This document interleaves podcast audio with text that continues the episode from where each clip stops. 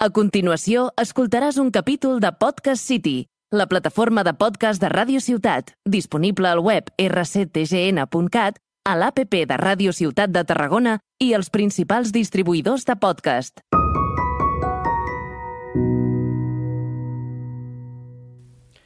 Hola, hola, benvingudes i benvinguts una vegada més al Piscolabis, el podcast del Cultius Culturals. Yo he visto cosas que vosotros no creeríais. Atacar naves en llamas más allá de Orión. He visto rayos C brillar en la oscuridad cerca de la puerta de Tannhauser. Todos estos momentos se perderán en el tiempo como lágrimas en la lluvia. Es hora de morir. Bueno, Maria, espero que no sigui literalment. Jo crec que ja sabeu o, o intuïu que avui parlarem de cinema i, de fet, el desembre és un mes com a molt cinematogràfic. De fet, ja sabeu jo de les pel·lis de Nadal que... Quin gènere, eh? Seria aquest. I justament, evidentment, per això parlem de cinema.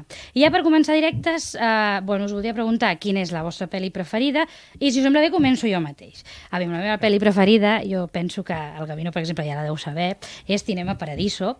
És una d'aquelles pel·lis que mm, la podria veure vegades i vegades i vegades i mai em cansaria d'ella. La trama, l'escenografia, els sentiments, la música, la nostra estimada Itàlia i la relació tan bonica entre l'Alfredo i, i el Totó. I de Nadal, la veritat és que jo sóc molt fan friki de totes aquelles pel·lis rotllo A Wish for Christmas, A Prince for Christmas, Christmas Calendar, etc. Vaja, totes aquelles comèdies romàntiques que tots sabem com acaben al minut I dos. com comencen i com I- tot, eh? Exacte, sí, sí. I que es veuen, poden veure diferents plataformes que trobem per, per internet. Clar, jo realment dir una pel·lícula preferida és com a molt complicat perquè depèn del moment no? eh, que d'això, però bueno, com aprofitant que parlàvem del cinema i el Nadal, diré dos títols crec que són molt nadalencs. Un seria Plácido, del, mm. del gran Berlanga, on, per cert, el protagonista es diu Gavino, però mm. més enllà d'això hi ha una crítica social brutal, tot i passar la censura franquista. Jo crec que els censors, quan veien una mica de folklore, eh, se'ls hi oblidava en, eh, gran part de les, de les coses que allà passaven, Prohibides. perquè el guió, en el fons, està parlant de lluita de classes, eh? o, o jo vull entendre-ho així. I després, eh, a les antípodes ideològiques, una altra gran pel·lícula seria La gran família, eh, amb aquell xenxo perdut per la Fira de Nadal a la Plaza Mayor de Madrid, després d'haver passat unes meravelloses vacances a l'estiu a la paradisíaca Tarragona. Molt bé, molt bé. I hem de dir que avui, bueno, quan, quan eh, ho escolteu i quan veieu el vídeo veureu que falta una persona molt important aquí al set de gravació, que és la Guiomar, que està malalta i des d'aquí desitgem que es posi bé aviat, però que ens ha dit que eh, diguem que per ella eh, les, no té ben bé una pel·li com si diguéssim preferida, sinó que ella li agrada el concepte de safety place. I Gavino, a veure si tu ens A pots veure, explicar una mica Vaig intentar, de fet, ja, la Guiomar volia llegiré dir. pràcticament la literal, literalitat perquè se'n fa, se'n fa complicat, no? El que diu la Guiomar eh, és el següent, que el safety place, o lloc segur, se li diu a una música, un programa de tele, un podcast, pel·lis, etc que transmeten pau i calma. Es parla molt últimament que vivim enmig de dies bojos interminables, que sempre estem fent fenya, produint, treballant amb ansietat i les angoixes de la vida moderna. La vida moderna cansa, aquí parafraseando a la preza andaluza. I tant. Eh, I la gent utilitza aquests espais perquè són pel·lis que han vist mil vegades, que és una mica el que deies tu, potser, Maria, no sé. Sí, sí, sí, eh, sí. Saps el que passarà, et saps els diàlegs de memòria i això et genera tranquil·litat. Fa que no pensis i et relaxes. I en el cas de la Guiomar, són les pel·lis de Harry Potter. Doncs, doncs en el meu, cas, cas, crec que també tinc una d'aquestes pel·lis de Safety Place, Place i és la de Don't Look Up, no mires arriba. Crec que l'he vist tres o quatre vegades i no me'n canso. Ostres, Rosa, però, però aquesta pel·li et treu de l'angoixa i de l'ansietat, perquè és una mica derrotista, eh? Sí, sí, és una gran metàfora, però vull dir que, que no sé, m'encanta. Molt bé. I, i l'he de mirar, mirar cada vegada amb algú nou, nou per, per, per, per dir, mira, mira quina bona, bona pel·li, sisplau. Te busques amics per portar-los a casa per poder veure la pel·li. Sí, doncs, sí, sí. Rosa, gràcies per aquesta aportació des de, des de Berlín. I bé, jo crec que ara ja us podeu posar uns bons torrons, un vi calent d'aquest que no ens agrada gens ni a la Maria ni a mi, i comencem.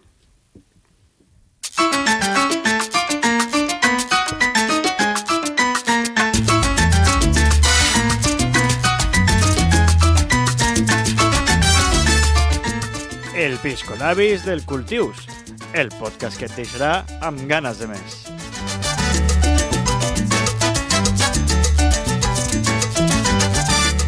Doncs vinga, som-hi amb aquest ritme caribenyo que tenim, que si sou observadors i observadores veureu que hem canviat la sintonia perquè, bé, al darrer capítol vam tenir la problemàtica de drets d'autor, no va poder sortir el vídeo i com que volem emetre a YouTube, perquè ens agrada que ens veieu, som així de narcisistes, doncs hem decidit posar música eh, lliure de, de drets d'autor. I, Gavino, si em deixes abans, solament dir que avui també tenim a Trezzo, que no, no hem És veritat, parlat no de, de la. Trezzo. Clar, com no tenim la Guiomar Ja, per ja, és explicar-ho. veritat, és veritat. Ai, pobra. Doncs hem portat unes crispetes que després bonament compartirem tots. La Guiomar ja se l'hagués menjat tota. Sí, de fet, quan vam dir que portaríem crispetes, va dir molt a favor de la Trezzo que es pot Ah, menjar, exacte. llavors sempre el meu equip, la Guiomar. I, I hem portat diferents eh, pel·lícules de culte, hem portat Volver, Matrimoni a la italiana, Mi vida eh, sin mi, Pride, eh, eh, què més hem portat? Una jornada particular, eh, El club de les primeres esposes... Vull dir, tenim aquí un mejunge de, de pel·lis que us recomanem que les veieu eh, totes. De fet, eh, abans, Maria, parlaves de la música. Pels que ens segueixen des de la primera temporada, ha sigut un retorn Cert. als inicis. Era la, la sintonia de la nostra primera temporada. Sí, sí, sí, sí, sí. I, mm, de fet, avui, si tot va bé, podreu escoltar-nos i veure'ns. I pels que ens veieu, ja us anireu, bueno, ja us haureu adonat en aquest cas, eh, però estem molt contents perquè tornem a tenir un convidat presencial aquí al, al, al set de gravació. Hola, Pere, què tal, com estàs? Hola, molt bé, encantat d'estar amb vosaltres, després d'escoltar-vos tant des de casa. Ai, que bé, molt bé, quina il·lusió. I abans que res, bueno, com que m'has estat parlant de naltros, de quina és la pel·li preferida, etc, preguntar-te a tu quina és la teva pel·li eh, preferida. Si m'hagués de quedar en una pel·lícula de Nadal que estàvem comentant, sens dubte em quedo en Solo en casa. Vale. Per a mi un Oh, clàssic, clàssic, sí, sí. total, música de John Williams, escenes divertidíssimes, però com a pel·lícula preferida, no per la qualitat, sinó pel que em suposa a mi, és La història interminable. Oh, un També un altre clàssic dels anys 80. I tant, molt bé. Doncs passem ara a fer una petita presentació de en Pere. En Pere Manera és historiador i arqueòleg de formació. Des de fa uns anys director i presentador del podcast sobre cinema, sèries i dèries vàries, Nido de Haters. Ha col·laborat assíduament en programes de ràdio local sobre cinema i sèries i va ser un dels impulsors de l'associació cultural Cineclub La Ràpita. Benvingut i endavant amb la teva secció, Pere. Encantat. I ja que parlàvem de Nadal, pel·lícules preferides, i no, sempre ens envaeix aquella sensació de nostàlgia, de sentir-nos, com dia la Guiomar, en una safety place, no? cada cop que parlem d'aquestes pel·lícules. Jo vinc una miqueta a posar la nota discordant a tot Bé. este bonisme de les xarxes socials, de que tot és tan bonic ara que ve Nadal, llums, caliu... I, bàsicament, el que us vinc a comentar és que també és una tradició, no només de Nadal, sinó en general, que quan alguna pel·lícula o sèrie s'estrena broten de la terra molts comentaris de persones que de bones a primeres critiquen sense massa fonament les decisions artístiques d'una producció. Moltes vegades passa que critiquen una, la, el color de la pell d'un actor, l'orientació sexual d'una actriu o simplement critiquen el, el producte en si perquè han llegit el material original i no saben el que és una adaptació. Això ho hem vist molt en la sèrie últimament de Amazon Prime, podem dir plataformes, no ens Sí. censuraran? Mm, no ho crec. Això, si el tècnic no diu res, El endavant. tècnic fa risses. No passa res, Vale. no passa res. Endavant amb la publicitat de les plataformes. No, Els pot, no, eh, millor si els critiques. Escolta, Luis, que no volem que ens censurin, xato. Si hem de criticar, el programa es diu Nido de Haters, o sigui que ja estem acostumbrats. Exacte. De fet, en la sèrie dels Anells de Poder, vale, el que ha passat és que ens hem trobat en tot de comentaris, alguns d'ells especialment sagnants pel que fa a la integritat moral d'aquells que els prefereixen, i també ha passat, per exemple, en un tràiler de la típica pel·lícula que es veu per Nadal com és La Sirenita, en este cas en l'adaptació a imatge real que pròximament s'estrenarà a Disney+, Plus, una altra cunya de plataforma. I aquí han criticat moltíssim el que és el color de pell de l'actriu. I clar, eh, quan passa això hem de tindre present de que aquesta pel·lícula no està feta per a natros, que podem ser pares, tiets, sinó que està feta per a una nova generació. I al final ens hem de quedar en que ens agradarà o no, si canta bé, si la història és la mateixa, però criticar per criticar el tema de un color de pell, una orientació sexual... És que que tingui cua de peix és molt normal, no? Però que, clar, que tingui un altre color de pell, això... Sí, no? I, o sigui, jo em quedo molt amb la reflexió de que això és per, per una nova generació i que penso que és interessant que mm, les nenes negres es puguin sentir molt identificades amb, amb que hi hagi eh, actrius que interpreten papers principals que tenen el seu eh, color de pell, igual que actrius grasses, eh, actrius eh, o actors trans, vull dir, al final la diversitat perquè tothom es senti eh, identificat a la gran pantalla hauria de ser algo per, per celebrar, no? No per enfadar-nos, no? Posar-nos allò puristes, en plan, no, és pelirroja, saps? De fet, al final el que importa és que la història sigui la mateixa i que si l'Ariel no és la típica pèl roja i més blanca que la llet, pues no passa res. Exacte. Però clar, estem en un món de xarxes socials on és molt fàcil criticar des de l'anonimat, mm. però eh, penseu que això abans, que no hi havia xarxes socials, quan la cosa era molt més analògica, existien aquest tipus de, de crítiques? Potser sí, però potser no tenien tant d'altaveu o no t'envalentonaves tant perquè no veies a mil persones que deien el mateix que tu. Vull, pa- no sé, eh? O potser, com que no hi havia tanta globalització, no? no les coses no arribaven tan, tan enllà, no? Però poder sempre hi ha hagut eh, crítiques així, no ho sé, la veritat és que ho desconec. malauradament sempre han hi hagut problemàtiques en actors, directors, actrius, directores també, però en els últims temps no, les notícies de comportaments qüestionables per part d'estrelles del cine i la televisió han obert un camí de reivindicacions que cal tenir en compte. Uh -huh. Des d'aquí apoyem tot el Me Too de manera profunda, uh -huh. però eh, se planteja una qüestió. Vosaltres seríeu capaços de separar l'obra de l'actor? Una vegada sabeu el que ha passat? És que és, és, és una pregunta molt, molt eh, complicada, almenys per mi. A mi em costa, ho he de dir, perquè em, em, em costa fins i tot en el món de l'art, per exemple. Um, a mi em fascina l'obra de Picasso. I Picasso era un misògin de cuidado. Però o sigui, m'acosta eh, no, no, meravellar-me amb, amb el que ell... No? I penso que al final el món del, de, del cinema o el teatre pues, poder és una mica el mateix, no? Jo, per tranquil·litat meva, he decidit que, estic, que ho he de separar, perquè si no, cada vegada em quedava menys... Eh, em quedava més estret, però és complicat. És complicat. El problema és on fiques la línia vermella. Sí, realment sí, sí, sí, és complicat. per exemple, els casos de Kevin Spacey o Johnny Depp potser són els més mediàtics, Mhm, -huh, no els sí. únics, però són els que més cua han portat i segueixen portant. Llavors, clar, és, és complicadíssim, no?, poder destriar, no disfrutar d'algunes de les pel·lícules clàssiques d'estos actors. Sí, Sí, però és sí. que al final la història del cine ha estat envoltada sempre de personatges execrables i en la seva vida privada, sobretot, ja sigui per accions o per ideologia. Però eh, han aportat moltíssim a lo que és la, la nostra manera de gaudir d'una bona pel·lícula al cinema. De fet, un d'ells, i és del que parlaré avui, és considerat el pare del cinema clàssic, que és David W. Griffith. Mhm. No sé si, si us sona. Poc, molt poc.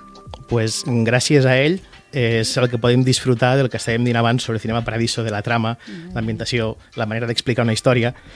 I és que Griffith, que és un cèlebre director conegut per treballs com Intolerancia o el que ens ocupa avui, que és El nacimiento de una nación, i el títol ja és una miqueta, sense saber de què va, podeu imaginar-vos Ups, se'ns ha caigut des de la 13 de, Del susto. del susto del, de la pel·li. Endavant, Pérez. doncs va, eh, ve bastant a, a lloc perquè és, és per espantar-se Vale. una miqueta. I és que eh, Griffith va ser un dels pioners en traslladar al cinema les produccions de caràcter molt més realista. Fins al moment estàvem acostumbrats a que el cinema explicava o jugava molt més en la fantasia. Realment, inclús alguns mm, comentaven que era teatre en imatge, ¿vale? Uh -huh. però a partir de 1910, 1911, les pel·lícules del 15, se comencen a experimentar en temes molt més realistes. I quan diem realistes, per a ells era més films o migmetratges de tipus històric.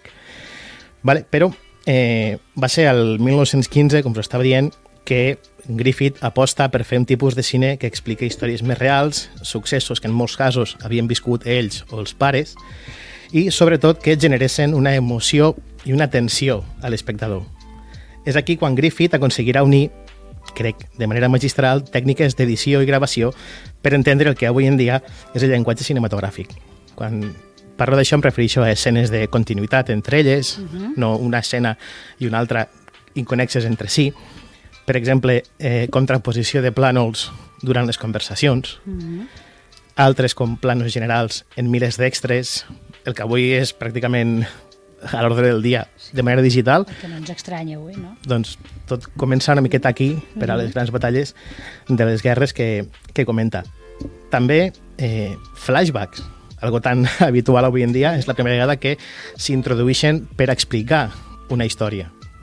No és només un punt de partida, sinó que té una certa relació en els elements que estan explicant durant la pel·lícula. Això ja al 1915, eh? Sí. De fet, quan se diu que el cinema està tot inventat, doncs avui en dia pràcticament en els Sí, primers sí. anys del cinema qualsevol trama ja estava agafada. Sí, Déu-n'hi-do. Però l'important d'aquí serà que tots aquests conceptes queden units en esta pel·lícula per primer cop. Se considera que és el primer llargmetratge d'un estudi americà. A Europa ja s'estaven fent. Curiosament, avui en dia, on està la, la força del cinema és a Hollywood. Però als inicis, tota la zona d'Europa era molt més potent. Només cal esperar pocs anys després el tema de l'expressionisme alemany durant el període entre guerres, que serà molt important. Pues aquí, els teòrics del cine, els crítics especialistes, consideren que Griffith eh, va ser el iniciador d'aquest moviment. Realment és agafar coses que s'havien fet abans, però unir-les per a crear una història. I és el que als anys 60 alguns valorarien com el mètode de representació institucional, en contraposició al que us comentava, que se referia al mètode de representació primitiu. Mhm. Per tant, 1915, cinema clàssic. Quan algú us digui, jo m'agrada molt el cinema clàssic, que sapigueu que Georges Méliès, Segundo de Chaumont, tot això no és clàssic. Hòstia. Per a nosaltres sí, però en teoria, per alguns experts, el clàssic comença al 1915. Mare meva.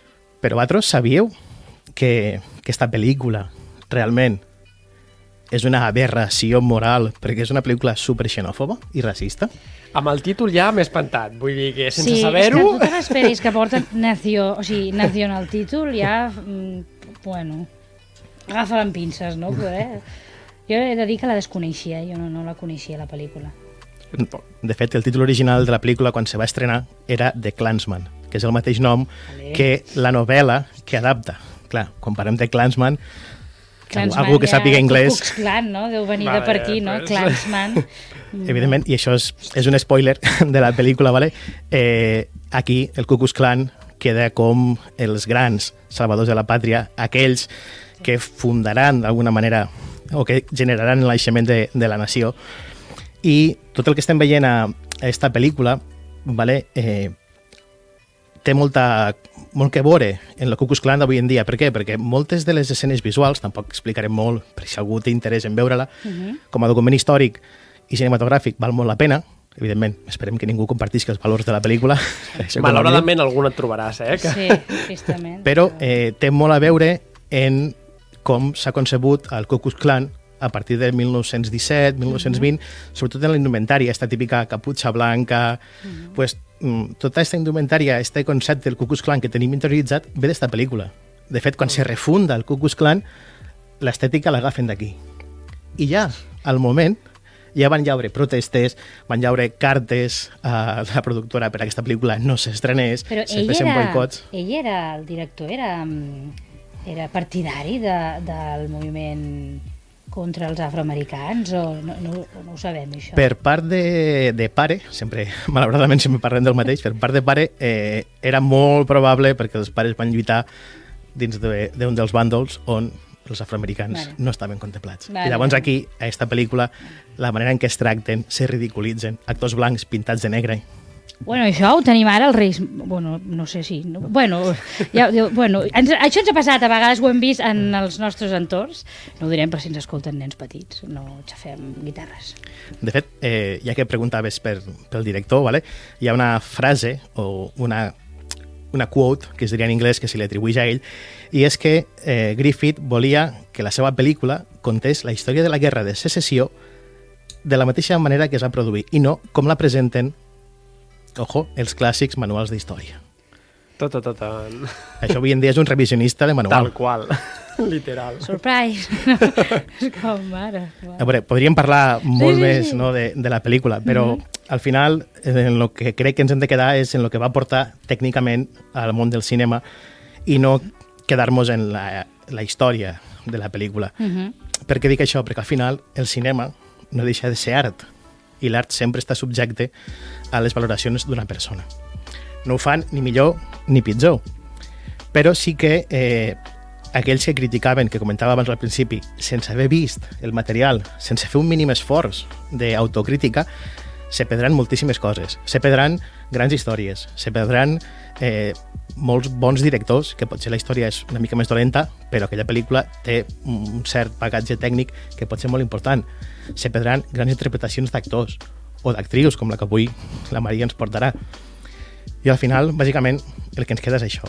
I més val la pena mirar un producte, intentar criticar-lo des de la manera més objectiva, entre cometes, possible, i no deixar-se portar no, per esta marabunta, esta marea uh -huh. de crítiques a priori, i només pel fet de que sigues una persona bastant qüestionable moralment, perquè el fet de queixar-te de que un actor o una actriu és negre o és xino pues, mm -hmm. és una cosa bastant lamentable dins del món del, del cine. I l'únic que fan és que, al final, quan tu intentes buscar informació d'alguna pel·lícula, tingues que buscar moltíssim dins de comentaris, dins de post, de Twitter, de blogs, i tot el que trobes és, és, és basura, bàsicament. Mm -hmm. I queda poc comentari. Llavors, eh, des d'aquí, ja que tinc l'oportunitat, pues, tant, intenteu sí, sí. sempre veure el producte, criticar-lo, i si podeu gaudir d'alguna de les parts, sempre serà un, un èxit per a vosaltres perquè us farà millors persones. Llavors, els que ens estan escoltant i veient, sobretot, disfruteu del cine i de les sèries, que al final és, és, estan fetes per això. Molt bé, pues, Jolín, moltíssimes gràcies, Pere, ha sigut super interessant, no? A mi m'ha donat que pensar, no?, això de l'obra, de l'autor, no?, i més amb aquest exemple tan específic que, que has posat, que jo desconeixia. De fet, abans de marxar, no sé si la Rosa te'n volia comentar una cosa abans d'acabar la secció del Pere. Sí, sí, sí en, en, en primer lloc, moltes, moltes espera. espera. He tornat a aprendre moltes coses, coses que no sabia. sabia. A vosaltres per invitar-me. I, I només volia, volia dir... Té alguna, alguna altra pel·lícula, pel·lícula rellevant on, on hagi, hagi introduït també, també noves tècniques? Diries, diries que aquestes noves tècniques van, van, estan totes centrades en, en, en Nacimiento de una Nación? Jo crec que eh, el Nacimiento de una Nación és és l'obra culmen d'ell en quant a nivell tècnic. Però després, tot això que us comentava, ara vosaltres, de les crítiques que se li van fer, de les manifestacions, tot això després ell ho va volcar en la seva segona o la següent mm -hmm. pel·lícula que es diu Intolerància. I el títol també és una declaració d'intencions. Era un arriscat, el títol. I aquí, el bo d'esta pel·lícula és que innova una miqueta i el que ens conta són tres històries que es fan de manera paral·lela, una ambientada a la Babilònia, si no recordo malament, l'altra a, a l'època de Jesucrist uh -huh. i una molt més actual. Llavors, totes les tres són paral·leles, de manera més o menys comú, però té la salvetat de que al final, per raons òbvies, mai arriben a creuar-se. Però és també un dels primers moments en els que comencem a veure ja muntatges paral·lels de diferents sí. històries. Però aquests dos són bàsicament les obres capdals d'ell. Va fer-ne més de 500, perquè penseu que molts eren curts i migmetratges. Bueno, clar, per, Llavors, com a, llarg, com a llargmetratges, aquests dos. Vale, molt bé. Doncs molt bé, doncs, moltes gràcies, eh, Pere. I Maria, no sé si ja vols agafar les sí, riendes de la teva secció. Començo ja, eh? Així ja, voz de pronto, venga. Um, è facile essere una femmina? Bastano un paio di tacchi, a spillo e abiti succinti. Ma per essere una donna ti devi vestire il cervello di carattere, personalitat e coratge. Amics i amigues del cultiu, sóc la Maria Pérez i amb aquestes paraules us vull introduir una de les meves actrius italianes eh, de tots els temps, l'Anna Magnani.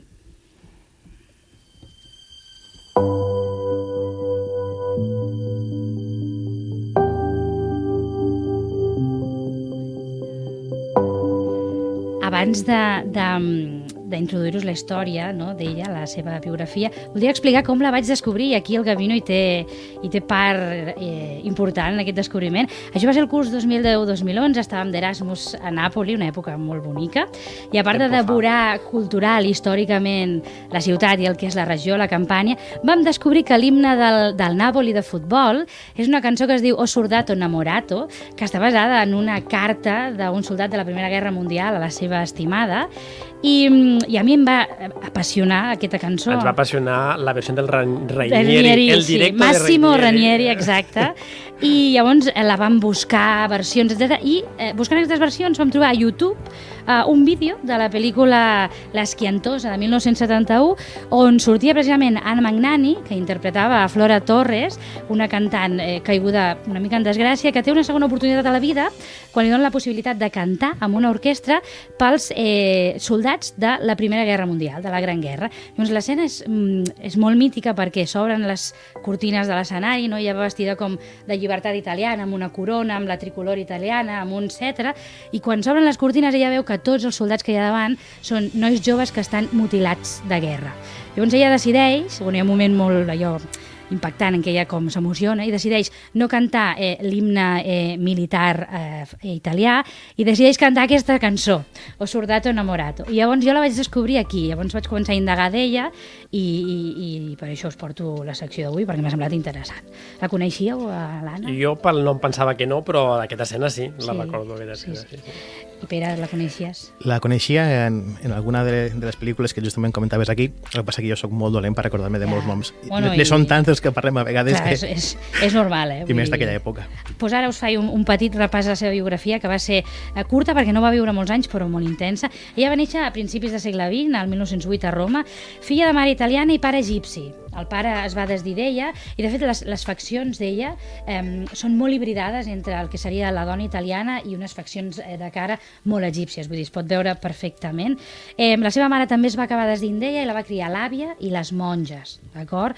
Eh, va alternar durant uns anys el treball i, de cantant i ballarina a clubs nocturns amb els estudis d'interpretació a l'Acadèmia d'Arte Dramàtica de Roma. Es va iniciar bàsicament en el món del teatre, jo penso que com, com molts eh, actors que sempre comencen primer al món del teatre amb una companyia petita, per finalment el 1927 fer el salt al cinema amb una breu aparició a una pel·lícula que es deia Scampolo, que era una comèdia de cinema mut d'Augusto Genina. Eh, el 35 es va casar amb el realitzador italià Goffredo Alessandrini, que la va dirigir el 36 a una pel·li que es deia Cavalleria, i hem de dir que Goffredo Alessandrini eh, no va confiar mai en el talent interpretatiu d'ella, i jo mm, vull dir ara que es va equivocar de cap a rabo, vull dir, ell va, van tenir una relació bastant eh, complexa i, i ell va deixar bastant eh, que desitjar, però no vull parlar massa de la seva vida personal, sinó que vull parlar de la seva obra, així que ho deixaré a part. Eh, és important eh, destacar que el 41, de la mà de Vittorio De Sica, que aquest ja sí que és Un més gran, clàssic, es posa en el paper de la cantant Loleta a la comèdia Nacida en Viernes. I, com heu pogut observar, bàsicament abans de la Segona Guerra Mundial, el gènere que va explotar més era la comèdia sí? però mm, és important destacar que a la, a la Magnani, com se la coneixia a Itàlia, la Magnani, eh, se la recorda per les seves grans interpretacions dramàtiques, però que vindran després de la Segona Guerra eh, Mundial. Al 46 participa a la pel·lícula Roma città aperta, de Roberto Rossellini, on interpreta a Pina, atenció, l'amant embarassada d'un dirigent comunista assassinat per la Gestapo. Aquesta pel·li eh, fou el naixement del neorealisme italià, i eh, va ser un punt d'inflexió dintre del cinema italià. Per què? Doncs perquè es va rodar en escenaris reals. Què vol dir reals? En tota el, el, la Roma devastada després d'aquesta eh, Segona eh, Guerra Mundial. Eh, va guanyar la Palma d'Or del Festival de Cannes i, mm, i a la pel·lícula. I ella va guanyar, eh, com si diguéssim, el títol de millor actriu estrangera del National Board of Review dels Estats Units, perdoneu el meu anglès, i premi que la va catapultar, com si diguéssim, en aquest sen sentit, a l'èxit internacional. Eh, de fet, la crítica del cinema americana, eh, Pauline Kell, eh, va dir d'ella que era l'actriu més real que havia vist mai, és a dir, que semblava que no estigués interpretant, sinó que fos com ella era el seu eh, dia a dia. Sense cap mena de dubtes, es convertirà en la actriu, la majúscula, de la postguerra italiana. El 47 rep la Copa Volpi com a millor actriu al Festival de Cinema de Venècia per Noble Gesta. Eh, serà una de les grans dames de Rossellini, continuarà treballant amb ell, va, va gravar el monòleg L'amore el 1948 i Il Miracolo, que és un paper molt controvertit on la van criticar moltíssim perquè interpreta una dona pagesa que assegurava estar embarassada de Jesucrist. Llavors aquí va ser molt... Clar, el 48 a Itàlia, que són més papistes que el papa, i aquest paper és una cosa complexa. Eh, els papers que interpretava sempre estaven com molt lligats al que seria eh, a, a l'ideal de dona forta, temperamental, amb molta personalitat, eh, que fugia, com si diguéssim, dels estereotips de, de la majoria de- d'actrius i dones d'aquella dècada dels anys eh, 50. Eh, va representar com ningú els valors de la dona italiana clàssica, estaríem parlant de la mama famosa, i fins i tot en pel·lícules com Bellissima, el 51, de Luchino Visconti, va interpretar, interpretar perdoneu, una mare coratge perquè la seva filla pogués arribar al cim del món del cinema. Per tant, molt mama ella. Gavino, tu saps ben bé com eren les mames italianes? Bueno, sí, estava pensant en alguna veïna nostra, Oh, fins sí. i tot. Eh? Que hi teníem el, el, el blog que sempre ens cuidava i ens era una mica Bueno, com... i literalment amb la porta oberta, Sí. literal, vull sí, dir, no ens- tancava de fet ens va mai. dir que ella era com les, la nostra mama a Itàlia, per tant, Sí, sí, molt sí. acollidora en aquest sentit.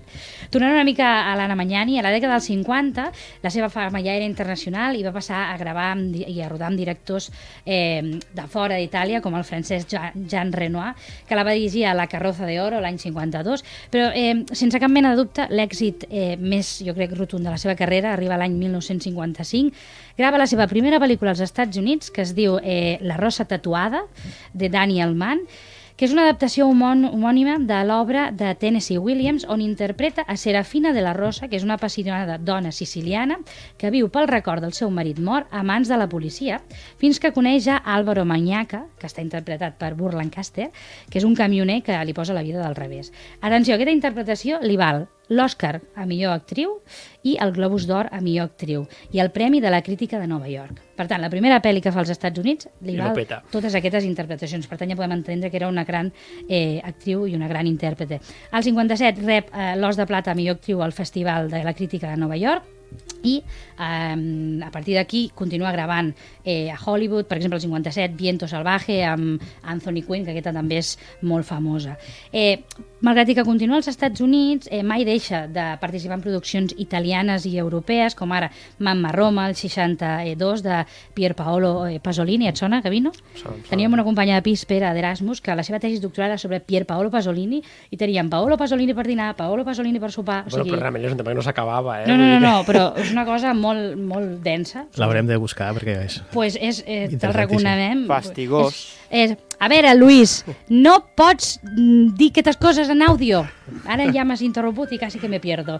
Aviam, això, a Mama Roma interpreta una, atenció, és que tots els papers són controvertits, prostituta d'avançada edat que intenta canviar la seva vida i reunir-se amb el seu fill adolescent després de molts anys separats. O sigui, tots els papers eh, controvertits. Eh, hem d'explicar que als anys 70 eh, es va dedicar més al que seria la televisió i al teatre, és a dir, la seva última aparició en, eh, a la gran pantalla, podríem dir, la fa de la, gra, de la mà del gran Federico Fellini i és a la pel·li que es diu Roma, al 72. Malauradament, eh, ella mor l'any després, al 73, a causa d'un càncer de pàncreas, per això que viu bastant poc, i com a anècdota final, al seu enterrament, um, va rebre, els, ella va esdevindre un, com si diguéssim, un icona eh, nacional italià i el seu enterrament va tenir tots els, les màximes eh, com si diguéssim, honors que pot tenir algú per sota del papa. O sigui que el seu enterrament va ser una cosa que va desbordar a Itàlia eh, sencera.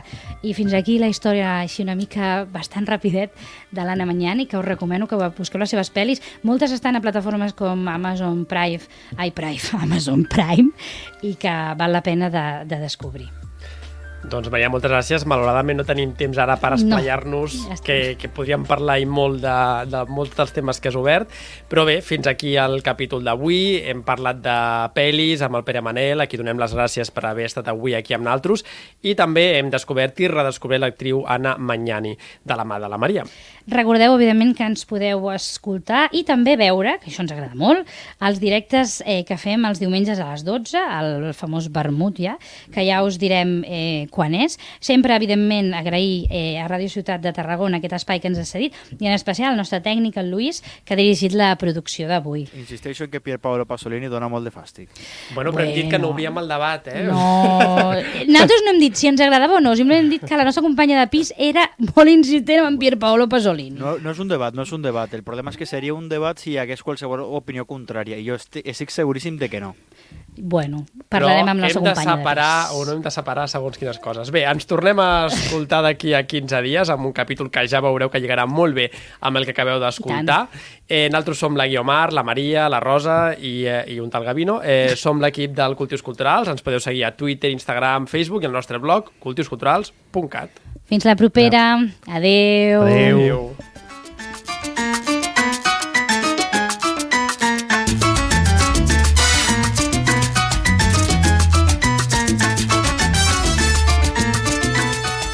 El Piscolabis del Cultius, el podcast que et deixarà amb ganes de més.